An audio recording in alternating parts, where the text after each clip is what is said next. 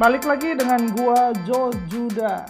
Kali ini di segmen Baba Jojo, gua mau ngomongin soal mendisiplinkan anak. Ini topik yang yang sering ditanyakan dan ketika ngomongin mengenai mendisiplinkan anak, biasanya nggak jauh dengan pertanyaan apakah lu speng anak lu nggak Jo? Karena baru-baru ini teman gue juga ada nanya, lu ngespeng Jona nggak? Mungkin teman-teman yang dengar ini yang seumuran dengan gua atau punya anak toddler mungkin uh, satu tahun uh, sampai lima tahun ini juga menjadi pertanyaan buat teman-teman kalian speng anak kalian nggak dalam mendisiplinkan Nah, sebenarnya sebelum ngomongin kita speng anak, disiplin itu nggak cuma ngomong soal punishment loh sebenarnya. Jadi konsep disiplin itu sebenarnya ada dua. Pertama instruksi dan kedua adalah koreksi. Speng itu sebenarnya ada di bagian paling akhir, yaitu mengkoreksi perilaku anak.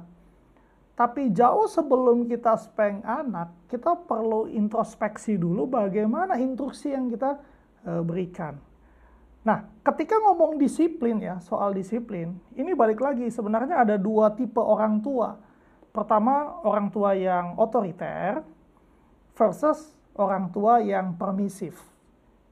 Nah, menariknya begini, tipe orang tua ini sedikit banyaknya dipengaruhi oleh bagaimana kita sebagai orang tua dibesarkan atau dididik. Biasanya ketika kita punya orang tua yang otoriter, kita cenderung untuk menjadi permisif Sebaliknya, ketika kita punya orang tua yang permisif, kita cenderung biasanya sih, biasanya sih uh, menjadi otoriter. Namun, namun nggak terlepas lah sebenarnya mau bagaimana kita dibesarkan, biasanya tipenya adalah seperti ini. Makanya kita perlu tahu mendisiplinkan anak itu yang apa sih sebenarnya yang kita ingin capai. Otoriter itu adalah ketika apa pun yang kita omongin harus jadi. Tanpa anak mengerti why-nya. Sedangkan permisif, sering kali kita berpikir ya anak memang belum paham. Sehingga kita biarkan. Nah ini e, problematikanya. Memang pemahaman itu harus dibentuk sejak dini. Kenapa? Karena ketika besar, kita udah nggak bisa lagi menggunakan e, otoriter atau otoritas kita dalam membesarkan anak-anak kita jadi uh, ketika ngomong disiplin, pertama kita harus tahu apa sih sebenarnya tujuan dari mendisiplinkan anak. Apakah kita membesarkan anak-anak hanya untuk supaya mereka mengikuti aturan, atau ini yang paling penting sebenarnya. Tujuan dari mendisiplinkan anak itu adalah membentuk hati si anak, membentuk hati nurani si anak. Nah, kenapa hati? Karena ketika kita otoriter, anak cuma tahu bahwa nggak boleh ini, nggak boleh itu. Akhirnya mereka e, dibesarkan atau atau ada dalam pola didik yang ikut aturan aja, tidak melakukan atau tidak melanggar atau berbuat baik hanya karena takut dihukum misalnya atau takut e, berbeda misalnya. Padahal mereka mungkin mereka nggak tahu alasan sebenarnya di balik aturan tersebut apa. Tapi kalau kita bisa membangun pemahaman dan membentuk hati mereka melalui disiplin, tentu anak punya pertimbangan nurani kelak. Nah ini kan sebenarnya tujuan dari kita sebagai orang tua ya, membesarkan anak dengan hati nurani yang e, baik. Dan ini sebenarnya yang menarik ya. Yang menarik adalah ketika kita melihat jauh sebelumnya ketika Adam dan Hawa diciptakan pertama kali. Di dalam Taman Eden itu semua boleh kita makan loh. Semua kita boleh berkarya.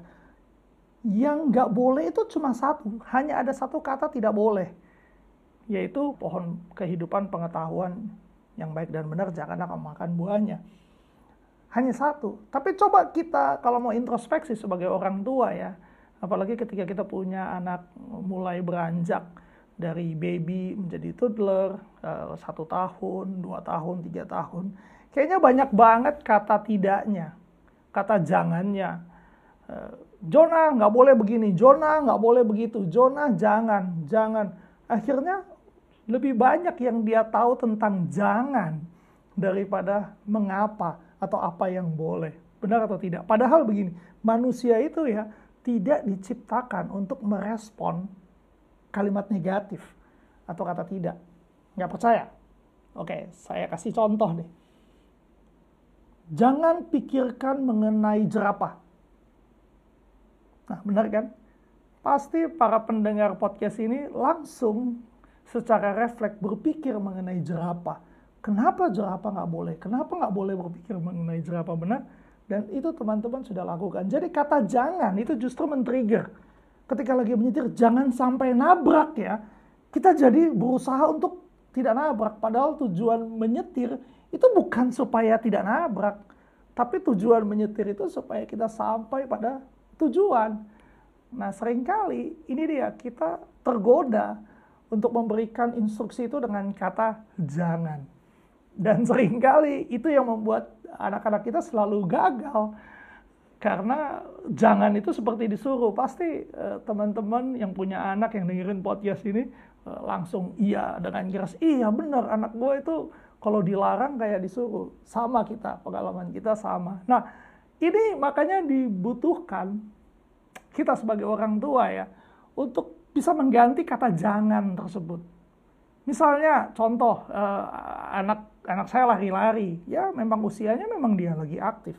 Daripada menggunakan kalimat Jona, jangan lari-lari, lebih baik gunakan Jona larinya pelan-pelan ya. Jona larinya hati-hati ya. Oke. Okay? Bukan kata jangan. Nah, ini mungkin salah satu uh, salah satu yang bisa gua share ya. Bagaimana kita memberikan instruksi yang tepat sebenarnya untuk anak sehingga di akhir hari yang dia kumpulkan itu bukan jangan, jangan, dan jangan. Tapi lebih banyak kalimat uh, positif. Nah balik lagi, disiplin itu soal instruksi uh, dan koreksi. Kalau kita terlalu banyak meng mengkoreksi perilaku anak, berarti kita perlu introspeksi. Apakah instruksi kita memang udah jelas terhadap si anak? Apakah instruksi kita itu mudah dipahami oleh si anak? apakah instruksi kita itu masuk akal di dalam pemikirannya si anak? Atau jangan-jangan ya kita memberikan instruksi yang kurang lengkap atau tidak bisa dipahami oleh uh, dunia mereka dan kita langsung jump in pada konklusi untuk mengkoreksi. Ini yang akhirnya membuat mereka frustasi. Uh, ketika mereka mendapatkan koreksi, mereka nggak tahu dikoreksi untuk apa karena instruksinya tadi uh, nggak jelas instruksi yang paling kuat, pesan yang paling kuat adalah apa yang kita lakukan daripada kata-kata kita. Nah, sering kali ya, sering kali apa yang kita omongin, apa yang kita minta itu tidak kita perbuat. Sehingga itu yang membuat anak bingung ketika harus mengikuti instruksi kita. Maka instruksi yang paling baik adalah ketika kita sendiri melakukannya. Dan sepertinya lebih mudah untuk kita memberikan contoh ya lebih mudah buat anak-anak kita mencontohi ya daripada cuma sekedar eh, mendengarkan apa yang kita minta. Yang kedua memang instruksi itu harus diperkatakan berulang-ulang.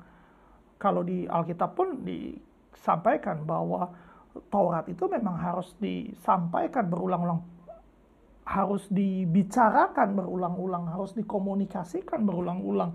Nggak heran kan anak-anak itu selalu bertanya hal yang sama berulang-ulang dia ingin melihat konsistensi dari jawaban, konsistensi dari instruksi tersebut. Dan memang secara kapasitas otak mereka, mereka berusaha untuk memahami sebenarnya eh, bagaimana instruksi tersebut, bagaimana dunia lingkungannya bekerja. Jadi memang tidak jenuh-jenuh kita untuk selalu uh, menyampaikan, mengkomunikasikan instruksi tersebut, memberikan contoh terhadap apa yang kita harapkan untuk mereka lakukan. Yes, gua tahu itu nggak mudah ya. Uh, yang gua omongin ini, gua juga masih berjuang, masih struggle bersama istri kita uh, berusaha untuk bisa memberikan instruksi yang baik. Namun di podcast ini uh, kita ngomong soal koreksi. Berikutnya adalah mengkoreksi. Nah, Spank itu di mana sih? Spank itu adalah mengoreksi dengan rasa sakit. Namun jangan menyakiti hati anak. Oke, wahai orang tua, janganlah kita menyakiti hati anak-anak kita. Nah, spank itu adalah dengan e, mengoreksi dengan rasa sakit. Kenapa rasa sakit? Karena rasa sakit itu mudah untuk diingat prank atau dengan rasa sakit akan gagal jika si anak tidak mengerti mengapa dia menerima rasa sakit tersebut. Nah, sering kali kita sebagai orang tua ketika spank, kita berhenti sampai di sana. Seharusnya itu tidak berhenti sampai di sana. Kita masuk dalam penjelasan, why sih kamu mendapat spank, kamu mendapat hukuman misalnya. Sehingga yang nanti dia ingat itu bukan cuma rasa sakitnya, namun mengapa ia tidak e, melakukannya. Nah, saya pernah dapat satu cerita, ini jauh sebelum saya punya anak, bahkan jauh sebelum saya menikah. Ketika ada salah satu teman saya bercerita, iya saya e, marahin anak saya, terus saya tegur, terus saya spank. Lalu anaknya diam, lalu lihat, Mom, why you spank me? Dia nanya balik. Nah, ini sebenarnya ya salah satu indikator bahwa spank itu adalah gagal dilakukan. Kenapa? Karena dia nggak merasa bersalah, dia merasa heran. Kenapa dia mendapat spank? Kenapa dia mendapatkan koreksi ya? Artinya tadi hatinya tidak terbentuk, why-nya tidak terbentuk sehingga ketika dia mendapatkan konsekuensi dari apa yang dia perbuat, dia bingung. Mungkin anak akan menjadi frustasi yang dia ingat adalah orang tua gue suka main tangan atau suka main rotan atau suka spank.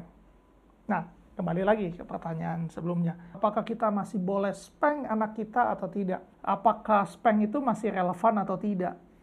Gue bisa bilang ya dan tidak. Karena begini, ketika zaman gue, seangkatan gue, semua anak itu di spank Ya, bahkan kalau di sekolah itu ya kita ketika bercerita, uh, wah gue kemarin baru di rotan nih sama bokap gue. Oh lu di rotan, wah lu masih enak. Gue di gesper uh, pakai ikat pinggang. Eh lu semua masih kalah. Uh, gue itu diikat di pohon kemudian di rotan. Pada zaman dulu itu spank itu uh, jadi ajang saling pamer gitu loh. Semua anak itu di spank. Justru kalau ada satu anak yang dia nggak pernah di spank, dia malah minder, dia malah diem. Orang tua gue sayang gue apa enggak ya? Kok kayaknya gue bikin kenakalan apa aja atau gue bikin buat salah, gue nggak di spank. Nah, terus dia pilihannya cuma dua, dia ngarang-ngarang cerita mengenai dia di spank atau dia diem aja. Akhirnya dia berusaha tuh mencari perhatian dengan kenakalan di luar dan segala macam dan itu biasanya uh, orang tua yang permisif ya. Nah, kalau yang otoriter tadi mungkin diikat di pohon lalu dicambuk. Tapi sepertinya kalau sekarang ya anak gua misalnya nanti ketika udah bisa masuk bersekolah, kemudian dia cerita, eh iya kemarin nih eh, bokap gua speng gua. Mungkin satu kelas pada bilang, hah kamu di speng, wow itu mesti dituntut. Orang tua kamu nggak boleh melakukan ini. Mungkin seperti itu kali ya. Karena saat ini ya guru-guru kalau menghukum murid di sekolah aja ya, dimarahin aja itu bisa dituntut sama orang tuanya, dibilang ngebully lah dan segala macam. Kayaknya memang e, situasinya udah berubah, budayanya, culture-nya udah berubah dibanding dulu dengan sekarang. Jadi gue takutnya sih kalau kita masih speng anak kita ya, mungkin uh, dia jadi minder karena jadi satu-satunya atau golongan paling sedikit uh, yang ada di teman-temannya uh, dari pengalaman teman-temannya mungkin yang lain udah nggak ngalamin uh, speng. Tapi gue sendiri, uh, gue dan istri kita uh, masih speng anak. Kalau ditanya kita golongan yang speng anak. Tapi kalau kita itu mungkin uh, dari saya lah, saya kan nggak tahu istri saya ya kalau di rumah bagaimana, tapi saya lah ya. Saya nge-spank Jonah itu ketika dia udah umur setahun uh, dan sampai sekarang dia mau tiga tahun ya. Itu paling bisa dihitung pakai satu tangan lah. Gua nggak terbiasa untuk selalu menyelesaikan uh, apa ya koreksi dengan spank. Spank adalah bagian paling akhir. Biasanya sebelum spank itu uh, dilakukan, Jonah udah rasa bersalah, udah udah nangis, udah udah nyesel uh, untuk apa yang dia lakukan. Nah, terus ada tingkatannya juga. Spank itu biasanya gue berikan kalau yang dia lakukan itu adalah tindakan memberontak, membangkang. Uh, memberontak dalam arti ketika udah disampaikan berulang-ulang dan dia sengaja untuk melakukan itu dan tindakan itu biasanya sesuatu yang tidak pantas lah untuk dilakukan. Nah itu biasanya uh, spank uh, dilakukan. Jadi gue juga nggak dengan mudah untuk uh, spank. Terus yang berikutnya ya, biasanya gue untuk nge-spank itu gue tidak menggunakan tangan. Ada kalanya terpancing ya untuk menggunakan tangan langsung, tapi gue hindari untuk itu. Kenapa? Karena nanti ketika dia mulai tumbuh besar yang dia harusnya benci itu adalah alat pukulnya. Karena kalau tidak anak akan bingung. Tangan itu kan sebenarnya cara kita untuk menunjukkan kasih sayang ya, mengelus dia, merangkul dia, eh, menggenggam dia. Ketika ketika alat yang sama dipakai untuk menghukum dia, dia nanti akan bingung eh, ketika kita menggunakan tangan kita untuk menyayangi dia. Jadi biasanya akan ambil satu, ada khusus satu uh, alat spank, rotan, plastik atau apa pun ya yang dipakai untuk spank. Dan biasanya spank uh, selalu di kaki, uh, di bagian yang memang ototnya tebal. Dan tujuannya yang pertama ini yang kita perlu perlu hati-hati sebenarnya dalam mengspank anak kita ya. Gua pun sering kali ada di mana udah sepanang ya udah uh keselnya setengah mati ya. Uh, tapi kita tidak boleh harusnya memukul dalam kondisi emosi. Biasanya yang terjadi saya kasih jarak saya angkat dia uh, misalnya dia sedang melakukan satu kenakalan yang berulang saya harus angkat dia jauhkan lalu saya cari tempat yang pojok saya diam di sana. Biasanya saya atur nafas. Nah terus habis itu uh, saya uh, mendisiplinkan dia, mengkoreksi tindakannya dia. Nah, berikutnya juga kita nggak speng anak itu di tengah-tengah orang lain. Uh, walaupun itu mungkin keluarga kita ya di depan uh, omanya misalnya atau uh, sepupunya atau atau atau om tantenya. Kenapa? Karena biasanya begini, anak yang dihukum, ditegur, dimarahi, dikoreksi di tengah-tengah orang lain, dia justru cenderung akan jadi pembangkang, rebel. Karena harga dirinya kena. Ketika kita marahin seseorang ya di depan umum, kayaknya nggak cuma anak ya, bahkan mungkin karyawan kita atau orang lain kita marahi dia di depan umum, uh, harga dirinya uh, kena. Anak itu ada dua biasanya uh, outputnya, dia jadi rebel atau dia jadi minder atau nggak percaya diri. Nah makanya disiplin itu ketika kita melakukan koreksi kita mesti melakukan empat mata, kita mesti sejajar dengan dia bahwa dia dihargai ketika uh, dia dikoreksi. Uh, kita kita menyampaikan apa sih sebenarnya kesalahan dia dan apa yang diharapkan, apa yang baik, apa yang benar untuk untuk dia bisa uh, lakukan. Lalu mengkoreksi dengan ancaman Nah ini juga nggak efektif nih. Kalau kita nggak ancam anak kita ya, e, Jonah jangan lakukan ini, nanti papa spank. Nah, misalnya seperti itu. Nanti kamu nggak dikasih coklat atau nggak dikasih makan. Kayaknya kalau nggak dikasih makan anak malah seneng ya. Tapi ancaman ini tidak efektif. Karena apa? Karena pertama menciptakan rasa takut dan kedua nih yang paling penting ancaman itu sebenarnya bukti bahwa kita nggak memiliki otoritas terhadap anak sehingga kita menggunakan ancaman. Ini bedanya ancaman sama peringatan. Peringatan itu memberikan anak konsekuensi. Ancaman itu sering kali tidak kita lakukan. Contoh misalnya, uh, eh, gue pernah nih uh, lakukan di mana Jonah itu nggak mau ngurus, nggak mau ngurus mainannya, nggak mau beresin mainannya. Terus gue keluar kalau mainan kamu nggak diberesin, papa buang Rasanya bukan saya satu-satunya yang melakukan hal tersebut ya. Nah, sering kali kita lakukan itu sebagai ancaman. Karena kalau nggak diberesin, kita tetap menyimpan mainan yang nggak kita buang. Itu yang saya lakukan. Dia bilang iya, saya bungkus mainannya, saya nggak buang tapi saya sembunyikan. Lalu sekian masa mainannya muncul lagi. Ketika kita udah ngomong terus dia ingat terus karena itu mainan kesayangannya dia ingat. Tapi dia sadar oh ya mainannya udah dibuang ya di tempat sampah. Dia nanya tempat sampah itu di mana papa? Kayaknya dia maksudnya dia pikir itu tempat sampah itu sebuah tempat penyimpanan yang mungkin dia bisa ambil. Nah karena nggak tega jadi akhirnya uh, kita berikan kembali mainannya. Nah ini sebenarnya hal yang kurang tepat. Harusnya ketika saya berujar bahwa mainannya dibuang harus benar-benar dibuang karena balik lagi, anak melihat apa yang kita lakukan. Kalau kita lebih banyak ngancam dia dan kita nggak benar-benar lakukan dan di akhir dia tahu, oh ternyata mainannya nggak benar-benar dibuang. Berarti kan kita nggak konsisten dengan apa, gua nggak konsisten dengan apa yang gua katakan.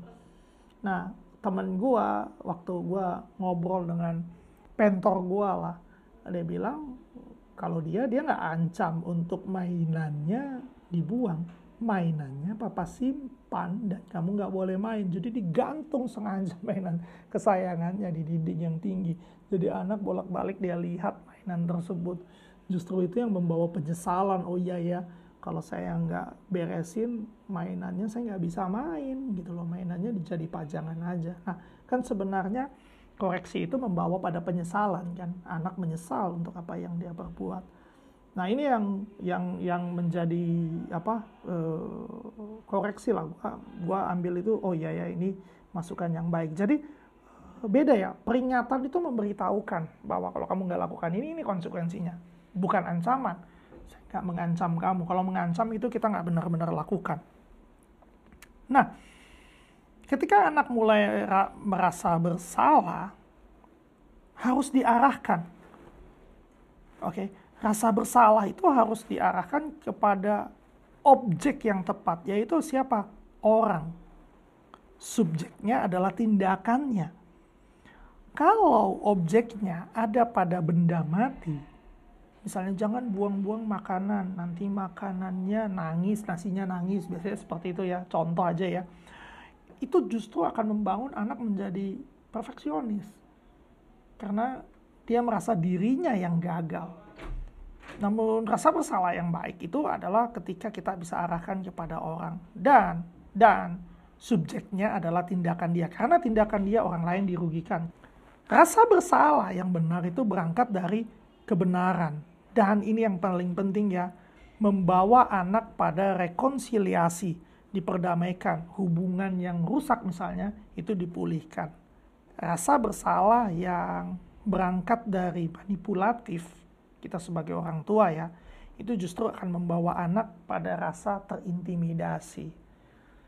Justru rasa bersalah ketika kita arahkan tadi pada sosok, pada seseorang, bahwa dia bersalah misalnya kepada ayahnya, kepada omnya, kepada tantenya, atau kepada Tuhan, akan mendorong anak pada tadi pemulihan hubungan rekonsiliasi dengan apa?